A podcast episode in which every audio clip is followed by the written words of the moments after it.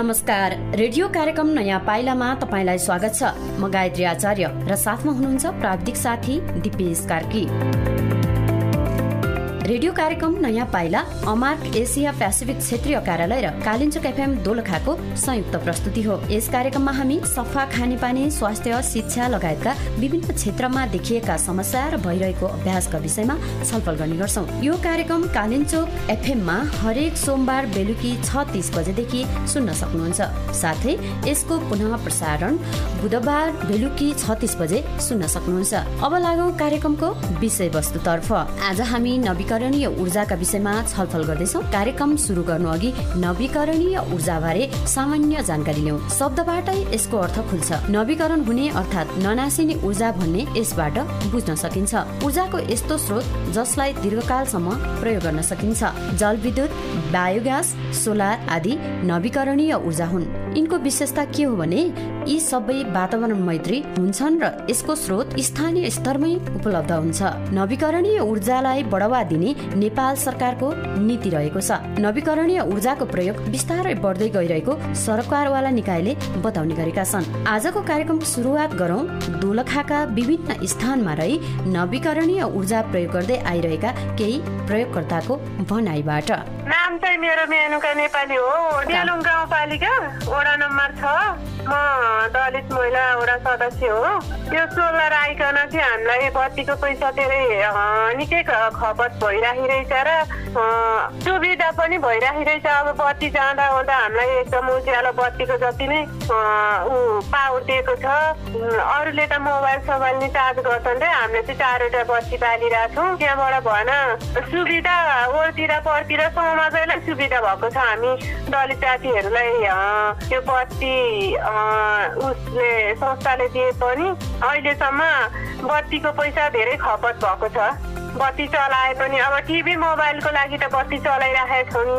चलाए पनि महिनामा तिस रुपियाँ चालिस रुपियाँले बढी भयो भनेदेखि ऊ पचास साठीसम्म पुगेको त्यहाँभन्दा बत्ती टिभीले गर्दाखेरि नत्र भनेदेखि त खपत भइरहेको छ। र हाम्रो टोल गाउँमा उज्यालो पनि भइरहेको छ अनि अर्थात् के भनौँ र यो सोलर दिने संस्था कुन हो त्यसलाई चाहिँ धन्यवाद। फेरि फेरि पनि नपाउनेहरूले पाउन् हामीले चाहिँ उज्यालोमा बस्न पाइरहेछौँ।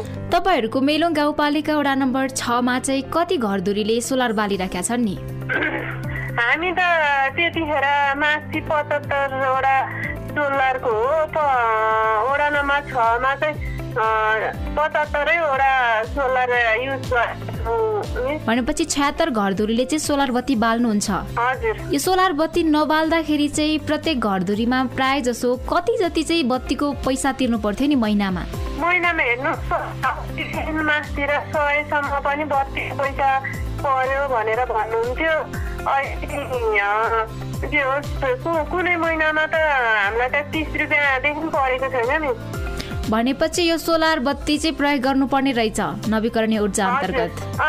बत्ती बत्ता पर्ने विद्यार्थीहरूलाई नि एकदम सुविधा पनि सुविधा उज्यालोमा खानापिना गर्न बत्ता पढ्न कोठामा सबैतिर एकदम हावाहुरीमा पनि बत्ती जाँदाखेरि तार चोरिँदाखेरि एकदम सुविधा भइरहेछ सोलर दिने संस्थालाई चाहिँ धेरै धेरै धन्यवाद।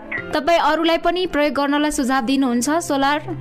अरूलाई पनि अरू टोल छिमेक सोलर नहुने दाजुभाइ दिदीबहिनीले चाहिँ यसको मूल्य कति पर्छ सोलर युज गर्दाखेरि चाहिँ राम्रै हुँदो रहेछ। कति मूल्य कति पर्छ हो र यस्तो घामको बेलामा त लाइनकै काम गर्दो रहेछ। भनेपछि घामबाट तपाईँहरूले बिजुली बत्ती बालिराख्नु भएको छ जुन चाहिँ एकदमै प्रयोगमा आएको छ। एकदमै प्रयोगमा र हिजो अस्तिको हुरी बदसले हाम्रो बत्तीको लाइन चुटेर पनि हामीलाई त्यो आवश्यकता परे होइन त्यो सोलरले काम गरिरहेको छ ए हस् हामीसँग कुरा गरिदिनु भएकोमा धेरै धन्यवाद है त। हस् मिसलाई नै धन्यवाद है। धनबहादुर नेपाली हो। मेलुङ गाउँपालिका। अनि तपाईँहरूले सोलर बत्ती बालेको कति भयो नि? अनि सोलर बत्ती बालेपछि के के फाइदा भएका छन्? धेरै फाइदा भएको छ हामीलाई अब बत्ती जाँदाखेरि पनि सुविस्ता भइरहेको छ। सोलरको बत्तीले गर्दा। पैसा पनि कम तिर्नु परिरहेछ होला है? पैसा पनि कम छ नि। धेरै सुविस्ता भइरहेछ ए ल हुन्छ। कुरा गरिदिनु भएकोमा धन्यवाद है त। मेरो चित्र नेपालीहरू मेरो गाउँपालिका हामीले बत्ती बालेको हजुर बत्ती बालेको दुई वर्ष जति भयो होला चारवटा बत्ती बालिरहेको छौँ अब यो बिजुली बत्ती अलिक खपत भएको छ त्यो बत्तीले गर्दाखेरि अब त्यही राम्रै भइरहेको छ हजुर। हामीलाई त्यो बत्तीले धेरै सहयोग पुर्याएको छ। बिजुली बत्तीमा हुन्छ अब बिजुली बत्ती त लाइट लाइटै हुन्छ नि तर भयो भने अब यसमा चाहिँ अब पैसा नलाग्ने अलिक के अरे घामको प्रकाशले हुने भएर चाहिँ अलिक राम्रो भइरहेको छ त्यही भएको अलिक सहयोग पुगेको छ। हजुर पहिला त अब चार सय पाँच सय तिरिङ बत्तीको बिजुली बत्तीको अहिले त पर्दैन हजुर। अहिले बेलुका पनि भान्सा कोठा त्यही बालिन्छ नि अब त्यही बालिन्छ काम नहुँदा काम हुँदा त बिजुली चलाइन्छ र त्यही त्यसै युज हजुर भर्खरै हामीले सुन्यौं नवीकरणीय ऊर्जा प्रयोग गर्ने केही प्रयोगकर्ताको अनुभव। नवीकरणीय ऊर्जा व्यावसायिक जीवनका लागि अपरिहार्य साधन साबित भइसकेको छ। चाहे कृषि होस् या अन्य कुनै पनि पेसा व्यवसाय नवीकरणीय ऊर्जाको सदुपयोग मार्फत नै त्यसको व्यावसायिक गन्तव्यमा पुग्न सकिन्छ। नेपालमा नवीकरणीय ऊर्जामा आर्थिक सहयोगका रूपमा खर्च हुँदै आएको छ। यसमा विकास साझेदारहरूले महत्वपूर्ण भूमिका निर्वाह गर्दै आएका छन्। त्यसो त दोलखा जिल्लामा नवीकरणीय ऊर्जा प्रयोगकर्ताको संख्या कस्तो छ? यसै विषयमा हामीले नवीकरणीय ऊर्जाको क्षेत्रमा क्रियाशील संस्था रिमरेक दोलखाका प्रमुख कुमार बस्नेतसँग कुराकानी गरेका छौँ। कार्यक्रममा यहाँलाई स्वागत छ। धन्यवाद हजुर व्यस्त हुनुहुन्छ? खासै व्यस्त छैन अब हामी सन्दर्भतर्फ लागौँ। नवीकरणीय ऊर्जा भनेको चाहिँ के हो? यो हामीले सुनिराखेको शब्द हो र खासमा के हो यो? नवीकरणीय ऊर्जा भनेको चाहिँ हाम्रो चलन चल्तीमा सामान्य व्यक्तिदेखि यो भाषा चाहिँ यो धेरैमा प्रयोग हुन्छ। नवीकरणीय ऊर्जा भनेको चाहिँ हामीले एकपटक प्रयोग गरेपछि पुनः प्रयोग गर्न सकिने जस्तै सौर्य ऊर्जा भयो लघु जलविद्युतहरू अब बायोमास हामीले एकपटक प्रयोग गरेपछि पुनः प्रयोगमा गर्न सकिने ऊर्जालाई चाहिँ हामीले नवीकरणीय ऊर्जा भन्छौँ। त्यसका स्रोतहरू चाहिँ असीमित हुन्छन्। जस्तै केही भन्नुपर्दा? जस्तै हाम्रो यो सोलर हामीले सूर्य भन्छौँ नि त यो सौर्य ऊर्जा भयो लघु जलविद्युत भयो यस्ता यस्ता चिजहरू अब वायु ऊर्जा भयो हामीले एकपटक युज प्रयोग गरेर युज गर्छौँ फेरि पुनः युज प्रयोग गर्न सकिने ऊर्जालाई चाहिँ नवीकरणीय भन्नाले नवीकरण गर्दै प्रयोग गर्ने भनेको। हजुर हजुर। एकपल्ट प्रयोग गरिसकेपछि त्यसलाई पुनः प्रयोगमा ल्याउन सकिने स्रोतहरूलाई नवीकरणीय ऊर्जा भनिन्छ। हजुर। यसको महत्त्व चाहिँ के छ खासमा? यसको महत्त्व चाहिँ अब हाम अहिले चाहिँ देशमा लगभग अहिले पनि हाम्रो फोर्टी पर्सेन्ट चाहिँ जनताहरू यो लोड सेडिङ मुक्त अँध्यारोमा बस्न बाध्य भएका छन् जस्तै ग्रामीण क्षेत्रहरूमा सबै ठाउँमा चाहिँ विद्युत पहुँच नपुगेको क्षेत्रहरू छन्। जस्तै दोलखामा नि अहिले भर्खर भर्खर अप्पर तामाकोसी आएर यो लाइन जोडेर मात्रै नत्र भनेको हाम्रो म्याक्सिमम् ठाउँहरूमा हामीले यो नवीकरण ऊर्जाहरू चाहिँ स्रोतहरू परिचालन गरेका थियौँ। अन्य क्षेत्रमा नि अहिले म्याक्सिमम् ठाउँहरूमा चाहिँ सोलरको जस्तै लघु जलविद्युतहरूको बायोग्यासहरूको हामीले यो स्रोतहरू युज गरिरहेछौँ। त्यसमा चाहिँ ग्रामीण क्षेत्रहरूमा अब जस्तै राष्ट्रिय लाइनबाट को चाहिँ पहुँच नपुगेको ठाउँहरूमा चाहिँ सोलर सिस्टमहरू आफैले चाहिँ युज गर्न सक्ने साधन घरमा सामान्य सोलर राखेर पनि यो बत्ती बाल्न सकियो उहाँले चाहिँ। वञ्चित अन्त उज्यालोबाट वञ्चित नहुनको लागि चाहिँ यो नवीकरणीय ऊर्जाको स्रोतहरू परिचालन गरेर चाहिँ उहाँहरूले युज गरिरहनु भएको छ। र यसको महत्त्व चाहिँ ग्रामीण क्षेत्रहरूमा जस्तै महिलाहरूले अब खाना पकाउनदेखि लिएर पढ्न विद्यार्थीहरूलाई अहिले चाहिँ धेरै सहज भएको छ। यसको महत्त्व चाहिँ हेर्न चाहिँ हजुर जस्तै सर्वसाधारणहरूको मुखबाट सुन्ने गरिन्छ नवीकरणीय ऊर्जा भनेर होइन? यो अझ ग्रामीण भेगमा यसको सर्वसाधारणको चासो चाहिँ कतिको छ? अझ भनौँ आकर्षण चाहिँ कतिको बढेको पाउनुहुन्छ तपाईँ? आकर्षण त धेरै बढ्दो छ। किन भन्नुहुन्छ भने उन्नाइस सय यो चाहिँ लगभग उन्नाइस सय नब्बे सालदेखि चाहिँ नवीकरणीय ऊर्जाको चाहिँ प्रयोग हुँदै आएको छ। त्यो नै उन्नाइस सय चौन्नदेखि हो खासमा भएको चाहिँ सुरु भएको। यसमा चाहिँ पहिला पहिला सुरुमा सुरुमा अब धेरै चासो छैन अहिले धेरै चासो छ जस्तै अब अहिले चाहिँ काठमाडौँमै हेर्नु सहर इलाकामै हेर्ने भने जस्तै फा झ्यापा झ्यापा बत्ती गइदियो। पाँच मिनटको लागिमा मान्छेले अब क्यान्डल खोज राखेको हुँदैन। त्यसमा चाहिँ मान्छे ढुक्क आफू ढुक्क हुन फ्री हुनको लागि चाहिँ ल बत्ती चाहिँ गयो भने पनि त्यसको लागि विकल्पको लागि भनेर यो स्रोतहरू चाहिँ युज गरिरहनु भएको छ र ग्रामीण क्षेत्रहरूमा पनि त अब अहिले त प्रत्येक घरहरूमा अब सोलर पुगिसकेको छ म्याक्सिमम् ठाउँहरूमा। उहाँले चाहिँ अल्टरनेटमा सोलर युज गर्नु भएको छ जस्तै लघु जलविद्युतहरू युज भइरहेछ। अब राष्ट्रिय प्रसारण लाइन गयो भने पनि उहाँले ती स्रोतहरूले परिचालन गरेर युज गर्न सक्नु सक्नुहुन्छ। हजुर। ठ्याक्क भन्नुपर्दा होइन टु दि पोइन्टमा भन्नुपर्दाखेरि चाहिँ यो ऊर्जाको विशेष गरी नवीकरणीय ऊर्जाको फाइदा चाहिँ के के हो भनेर भन्न सकिन्छ। अझ भनौँ टार्गेट समूह क्या होइन? उहाँहरूको लागि चाहिँ के फाइदा छ? जस्तै महिलाहरूको लागि भयो ज्येष्ठ नागरिकको लागि भयो बालबालिकाको लागि भयो यसलाई प्रयोग गरेर चाहिँ यो फाइदा छ भन्ने चाहिँ केही छ? छ त्यो त जस्तै प्रत्यक्ष रूपमा अब हजुरले भन्नुभयो जस्तै महिला गृहिणीहरूलाई। जस्तै उहाँहरूले चाहिँ अब खाना पकाउन भान्सामा युज गर्ने अब जस्तै बेलुका अब टुकी पालेर बत्ती बाल्नु पर्थ्यो भने अहिले सोलरले जस्तै माइक्रो बलेको बत्तीहरू युज गर्नु पाउनु भएको छ। पहिला पहिला परम्परागत रूपमा चुलो थियो। त्यो चुलोमा एकदम धुवा बिस्तारै आउँथ्यो उहाँहरूलाई। अब आँखा पोल्ने धेरै फोक्सोको समस्याहरू रोगहरू त्यस्तो धेरै आयो। अहिले चाहिँ अब सुधारेको चुलोहरू छ बायोग्यासहरू छ। त्यो हुँदाखेरि प्रत्यक्ष रूपमा अब विद्यार्थी जस्तै बालबालिकाहरूलाई अब सामान्य अनि अब बेलुका चाहिँ पढ्न नपाउने अवस्था थियो। अहिले चाहिँ सोलारहरू भएर चाहिँ अहिले उहाँहरूले चाहिँ अब बेलुका पनि पढ्न सक्ने अवस्था प्रत्यक्ष रूपमा यसरी फाइदा भएर पुगेको छ। हजुर। भनेपछि महत्त्व पनि बढ्दैछ अहिले। धेरै बढिरहेछ दोलखामा चाहिँ नवीकरणीय ऊर्जाको प्रयोग मार्फत ऊर्जाको आपूर्तिलाई सरल र सहज बनाउने तरिका सरकारले लिएको छ कि छैन? होइन यो नीति बनाएको छ कि छैन राज्यले चाहिँ? अनि बनाएको छ भने कार्यान्वयनमा चाहिँ कस्तो छ अवस्था? जस्तै नीति अब सरकारले हुँदैन अहिले चाहिँ अब स्थानीय सरकारमा सबै अधिकारहरू दिएको छ उहाँ त्यसलाई नै सरकार अब स्थानीय सरकारहरूले चाहिँ उहाँहरूले आफूले अब चाहिँ कार्यविधि बनाएर उहाँले नियम बनाएर कुन क्षेत्रमा चाहिँ अब आवश्यक छ अब नवीकरणीय ऊर्जाहरूको कुन ठाउँमा चाहिँ अब बायोग्यासको परिकल्पना छ सुधारेको चुलो कुन ठाउँमा युज गर्ने हो सोलरहरू कुन ठाउँमा युज गर्ने भनेर चाहिँ स्थानीय सरकारले नै मैले नियम बनाएर परिचालन गर्ने हो र हामीले चाहिँ पहिला पनि अब दोलखा जिल्लामा भूकम्पभन्दा अगाडि पनि माइक्रो हाइड्रो अपग्रेडमा थिए। त्योभन्दा पछाडि पनि लगभग उत्तरका सुरी चङ्खु आलम्पु बिगुतिर चाहिँ अब त्यहाँका माइक्रो हाइड्रोहरू पूर्ण रूपमा ध्वस्त भए पनि पुनः यता चाहिँ नवीकरणीय ऊर्जाबाटै वैकल्पिक ऊर्जाबाटै त्यहाँ फन्ड आएर उहाँले पुनः युज गरिरहनु भएको छ। अहिले पनि युज गर्नु भएको छ र त्यसपछि भूकम्पपछि नै पहिला पहिलाको सिस्टमहरू जस्तै सोलरहरू पनि कति छेद विच्छेद अवस्थामा पुगे र भूकम्पपछि पनि लगभग बाइस हजार सोलर चाहिँ वितरण गरेको छ। हजुर। दोलखाको कुरा गर्ने हो भने नवीकरणीय ऊर्जा प्रयोग गर्नेको सङ्ख्या चाहिँ कति जति छ होला होइन? अनि अघि यहाँले भन्नुभयो नि यसको पनि किसिम छ भनेर होइन? फरक फरक किसिम छ भनेर। अनि कुन चाहिँ बढी युज गर्नुहुन्छ प्रयोग गर्नुहुन्छ दोलखाका प्रयोगकर्ताले? म्याक्सिमम् अहिले नवीकरण ऊर्जाका स्रोतमध्ये सौर्य ऊर्जा र यो चाहिँ बायोमास भन्छ हामीले सुधारेको चुलोहरू बायोग्यास यिनीहरू चाहिँ म्याक्सिमम् यो रूपमा युज गर्नुभएको छ। प्रत्यक्ष रूपमा चाहिँ उहाँले बिहान बेलुका खाना पकाउनको लागि चुलोमा युज गर्छौँ।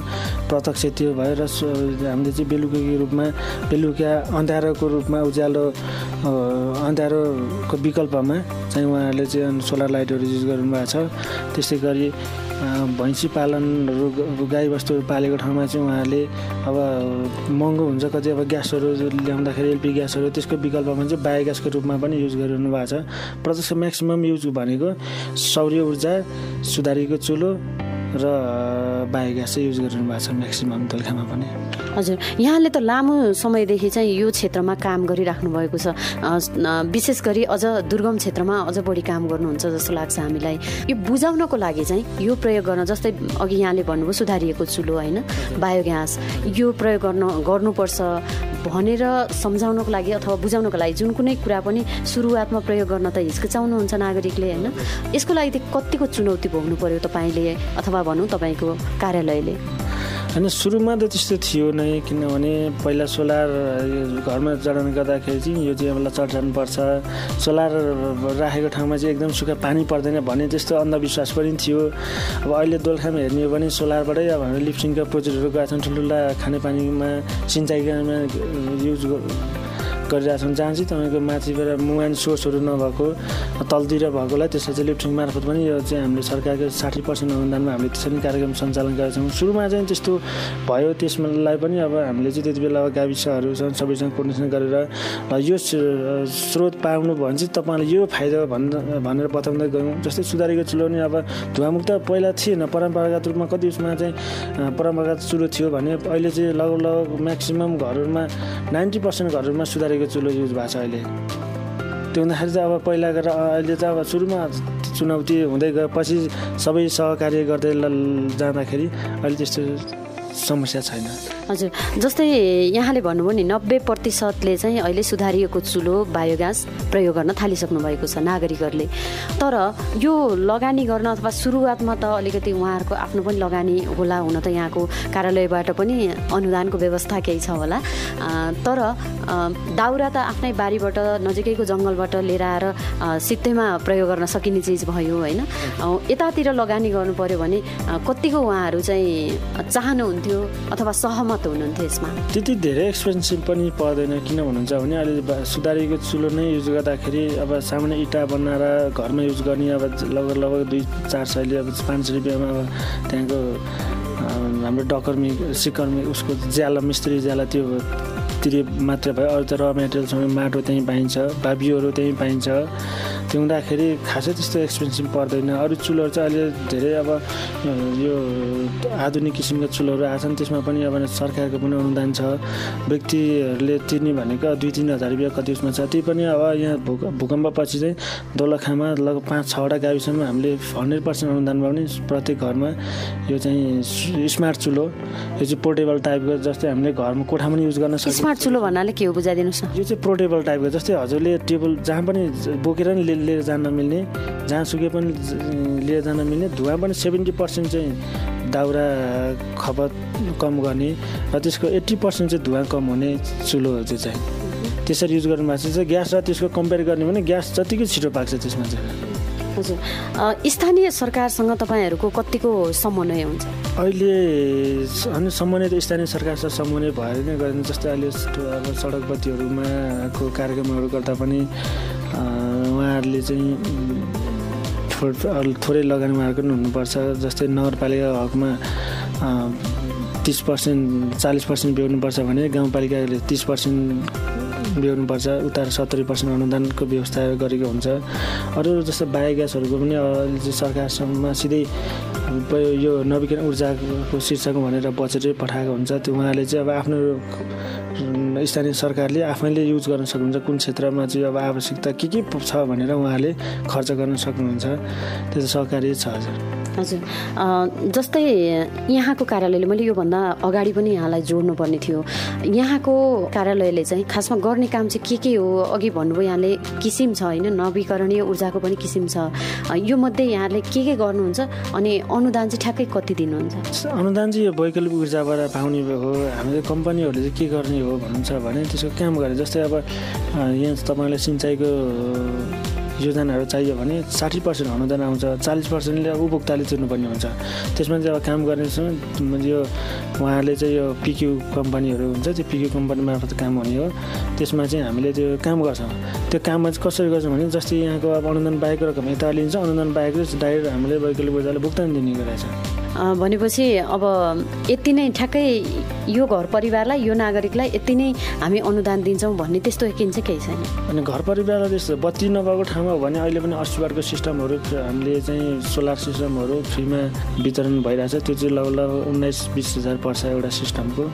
त्यसमा चाहिँ यो बत्ती नभएको अहिलेसम्म यो चाहिँ कुनै ठाउँबाट विद्युतीकरण नभएको ठाउँलाई भनेर त्यो घरधुरीमा प्रत्यक्ष रूपमा बत्ती बाल्नको लागि सामान्य टिभी हेर्नलाई त्यो सिस्टम दिएको हुन्छ। त्यो पनि अब यहाँ चाहिँ बत्ती नभएको ठाउँ हुनुपर्छ त्यो चाहिँ।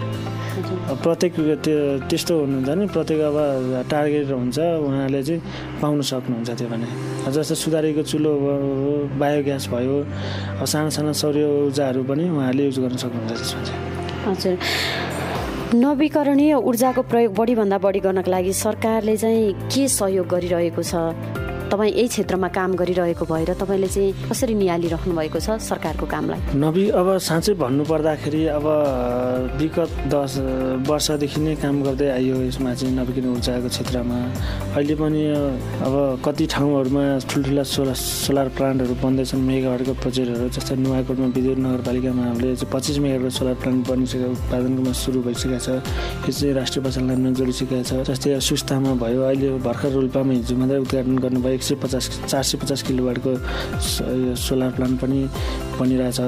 यसमा चाहिँ अहिले चाहिँ ग्रामीण क्षेत्रहरूमा यो नवीकरणीय नवीकरणीय ऊर्जाको क्षेत्रमा सरकारको त लगानी विदेशी लगानीलाई भित्राएर नेपाल सरकारको पनि लगानीलाई परिचालन गर्दै आएको छ अहिले चाहिँ। दोलखाको सन्दर्भमा कुरा गर्दा चाहिँ कस्तो छ अवस्था? दोलखाको सन्दर्भमा नि हेर्दाखेरि यहाँ अब जहाँ चाहिँ आवश्यकता त्यहाँ चाहिँ जाने हो। अब आवश्यकता को आधारमा हेर्दाखेरि यहाँ चाहिँ म्याक्सिमम् अहिले माग आएको भनेको सडक बत्तीको आएको छ। त्यसपछि भनेको यो सौ लिफ्टिङ प्रोजेक्टहरू सुधारेको चुलोहरू यस्तै आज पनि गाउँठाउँमा नागरिकहरूले आगोमा खाना पकाएर खाएको पाइन्छ। एक हिसाबले त स्वादको हिसाबले त्यसको छुट्टै स्वाद छँदैछ होइन? अर्को हिसाबले विशेष गरी महिलाहरूको कुरा गर्ने भने खाना पकाउने महिलाहरू नै हुनुहुन्छ। महिलाहरूको स्वास्थ्यमा चाहिँ यो कारणले ठुलो समस्या देखिएको पाइएको छ। होइन? डक्टरहरूसँग पनि हामीले कहिलेकाहीँ कुराकानी गर्दा यो सन्दर्भ जोड्नुहुन्छ। अब यसलाई चाहिँ न्यूनीकरण भन्दा पनि यसलाई एक हिसाबले निवारण नै गर्नको लागि अथवा धेरैभन्दा धेरै न्यूनीकरण गर्नको लागि चाहिँ तपाईँको अफिसबाट तपाईँको कार्यालयबाट के प्रयास हुन्छ? अनि सरकारले के गर्नुपर्छ? यो चाहिँ कस्तो छ भन्नुहुन्छ भने जस्तै प्रत्यक्ष रूपमा महिलाहरूले युज गर्दै आउनु भएको छ सुधारेको चुलो। पहिला परम्परागत सुधारेको चुलोमा धुवा धेरै हुन्थ्यो उहाँहरूको आँखा पाक्ने खोकी लाग्ने फोक्सोको समस्याहरू धेरै हुन्थ्यो भने अहिले चाहिँ सुधारेको चुलोबाट चाहिँ लगभग सेभेन्टी पर्सेन्ट धुवा बाहिर जान्छ हेर्नुहोस्। त्यो हुँदा पनि अब धेरै पहिलाको अन्तरालमा त धेरै कम भइसकेको छ तुलनात्मक कम भएको छ तर यसलाई चाहिँ अलिकति सरकारले चाहिँ जिम्मेवारी नलिएको हो कि जिम्मेवार नबनेको हो कि इनिसिएसन नलिएको हो कि जस्तो पनि देखिन्छ नि तपाईँ के भन्नु त्यसो त भन्न नमिला किन भन्नुहुन्छ भने अब जिम्मेवारी नलिएको भए त अहिले यही सत न्यूनीकरण त न्यूनीकरणको लागि पनि प्रयास त गर्दैन थियो होला सरकारले पनि। अब सबै सुरुवाती भएको छ। अब यसमा नि हन्ड्रेड पर्सेन्ट चाहिँ अब अहिले कन्जम्सन गर्नको लागि विभिन्न दाताहरूसँग चाहिँ सहयोग मागेर पनि यसले चाहिँ अब नेपाल सरकार माताहतमा रहेका विभिन्न चाहिँ ग्रामीण भेगका जुन प्रयोगकर्ताहरूलाई यो चाहिँ कम भन्दा कम जस्तै अहिले चाहिँ अब जस्तै दाउराकै हामीले युज गर्छौँ भने अब अहिले चाहिँ विकल्पको रूपमा बायोग्यास आएको छ जस्तै गाईबस्तुहरू पाल्ने सामान्य अब दुई तिनवटा गाईबस्तु गाई भैँसी पाल्नेले पनि तपाईँको बायोग्यासहरू जडान गर्न सक्नुहुन्छ। त्यसपछि अब त्यो किसिमको चुलोहरू छ त्यो युज गरेर सक्नुहुन्छ। त्यसमा चाहिँ अब एलपी ग्यासको सट्टामा नि त एलपी ग्यास अब महँगो छ नि त। त्यसको अलावा चाहिँ बायोग्यासहरू युज गरेर पनि उहाँहरूले चाहिँ ग्यासकै निकै रूपमा प्रयोग गर्नु भएको छ। त्यसो त प्रत्यक्ष रूपमा त उहाँलाई त फाइदा भयो किन भन्नुहुन्छ भने जो धुवाँबाट आँखा मिच्दै निस्किनु पर्ने बाध्यता चाहिँ अलि हटेको छ। जस्तै तपाईँ जस्ता सङ्घ संस्थाले गर्दै गरेको काम त एउटा पक्ष भयो। सरकारले आफै जिम्मेवारी लिएर पनि नवीकरणीय ऊर्जामा काम गरेको पाउनुहुन्छ। बजेट छुट्याउनेदेखि लिएर यसमा चाहिँ जिम्मेवारी पूर्वक हिसाबले चाहिँ काम गरेको पाउनुहुन्छ सरकारले? त्यो त छ नि अहिले प्रत्येक स्थानीय तहमा सबै जस्तै नेपाल सबै स्थानीय तहहरूमा चाहिँ गभर्मेन्टले यसको यो वैकल्पिक ऊर्जाको उसमा शीर्षक छुट्याएको छ। बायोग्यासलाई यति सौर्य ऊर्जा जडान भनेर छुट्टै शीर्षकमा जडान बजेट छुट्याएको छ सुधारेको चुलो भनेर सबै उसमा छुट्याएको छ। त्यो चाहिँ अब स्थानीय सरकारले पनि त्यसलाई कार्यान्वयन गर्नु पर्यो। सरकारले त त्यो केन्द्र सरकारले सबै स्थानीय तहहरूमा बजेट यति छ भनेर पठाइसकेको छ। हजुर हुन्छ। यो नवीकरणीय ऊर्जाको चुनौतीहरू चाहिँ के पाउनु भएको छ तपाईँले? चाहिँ कस्तो छ भन्नुहुन्छ भने हामीले चाहिँ अब पहिलेदेखि धेरै प्रयोग गर्दै आयो। सामान्य मानिसलेहरूले प्रयोग गर्दाखेरि सानो सानो चिज यसमा चाहिँ कस्तो छ भने सानो सानो चिजहरूले चाहिँ त्यो त्यतिकै युजलेसमा आएको छ। जस्तै सोलर युज गऱ्यौँ हामीले अब सानो एउटा टेक्निकल कुराहरू अब फ्युजहरू गएको हुन्छ त्यो सिस्टमै नचल्ने अवस्था हुन्छ। उहाँहरूलाई अलिकति जानकारीको पनि अब त्यसमा चाहिँ टेक्निकल कुराहरू थाहा नभएर हुनसक्छ। जस्तै चुलोहरूमा भयो उहाँले चाहिँ अब त्यो सिकाउनु सिका हुन्छ कन्टिन्यू बिहिबारे कतिले गर्नुहुन्न किन भन्नुहुन्छ भने जस्तै त्यो धैँसोहरू धुवा बाहिर जाने त्यो चिम्नीहरूमा सफा गर्नुपर्छ। अनि पछि भन्नुहुन्छ ल धुवा बाहिर गएन धुवा बाहिर समस्या भित्रै आयो भन्नुहुन्छ। त्यसमा चाहिँ भित्र त्यो सफा गर्नुपर्छ। अलिकति मेन्टेनेन्समा पनि उहाँले चाहिँ ध्यान दिनुपर्ने कुरा देखिन्छ। हजुर। यसलाई समाधान गर्नको लागि यी चुनौतीहरूलाई चाहिँ समाधान गर्नको लागि के गर्नु पर्ला कसको भूमिका के रहला त? त्यो त अब स्थानीय सरकारसँग कोर्डिनेसन गरेर चाहिँ अब उहाँलाई अवेरनेसको ट्रेनिङहरूको व्यवस्था गरेर चाहिँ उहाँलाई सामान्य नलेजहरू पनि उहाँलाई दियो भने चाहिँ यसको चाहिँ समस्या समाधान गर्न सकिन्छ होला। हजुर। तपाईँको अझ भनौँ तपाईँको कार्यालयको आगामी योजना के छ? दोलखामा काम गर्दै गरेको र काम गर्ने हिसाबले। हामीले गर्ने भनेको चाहिँ तपाईँको कस्तो छ भन्नुहुन्छ भने अब कम्पनी रोल भनेको त अब जहाँ बजेट हुन्छ त्यो बजेटलाई युटिलाइज अब तपाईँले माग गर्नुभयो हामीले चाहिँ काम गरिदिने हो त्यसमा। अब जस्तै त्यसमा आगामी वर्षहरूमा चाहिँ अब सडक बत्ती यो लिफ्ट इरिगेसनहरूकै प्रोजेक्ट छ यो चाहिँ। हजुर त्यो काम गर्दै हुनुहुन्छ। अन्तिममा के भन्न चाहनुहुन्छ? हामी कार्यक्रमको अन्तिममा छौँ अब। यो सब सबैभन्दा पहिला त यो समय दिनुभयो। यहाँ हजुरलाई विशेष धन्यवाद। यो प्रसङ्ग समयअनुसार हजुरले समय दिनुभएकोमा विशेष धन्यवाद दिन चाहन्छु। र आगामी दिनहरूमा पनि यो नवीकरण ऊर्जा प्रयोगकर्ताहरूलाई चाहिँ अझ प्रभावकारी रूपमा युज गरेर अगाडि बढ्नु होला भन्न चाहन्छु। हुन्छ यहाँको महत्त्वपूर्ण विचार। र समयको व्यवस्थापनको लागि धेरै धेरै धन्यवाद। अमार्क एसिया पेसिफिक क्षेत्रीय कार्यालय र कालिचोक सामुदायिक एफएम दोलखाको संयुक्त प्रस्तुति कार्यक्रम नयाँ पाइला कस्तो लाग्यो? सल्लाह सुझाव अनि प्रतिक्रिया दिन नबिर्सिनुहोला। यो कार्यक्रम कालिचोक सामुदायिक एफएममा हरेक सोमबार बेलुकी छ तिस बजेदेखि र यसको पुनः प्रसारण बुधबार बेलुकी छ तिस बजेदेखि सुन्न सक्नुहुन्छ। अर्को साता फेरि अर्को कार्यक्रम लिएर आउने नै छौ। त्यतिन्जेलसम्मका लागि प्राविधिक मित्र दिपेश कार्कीलाई धन्यवाद दिँदै उषा तामाङ जीवन लामासँगै गायत्री आचार्य विदा हुन्छु। सुन्दै गर्नुहोला कालिचोक एफएम। नमस्कार।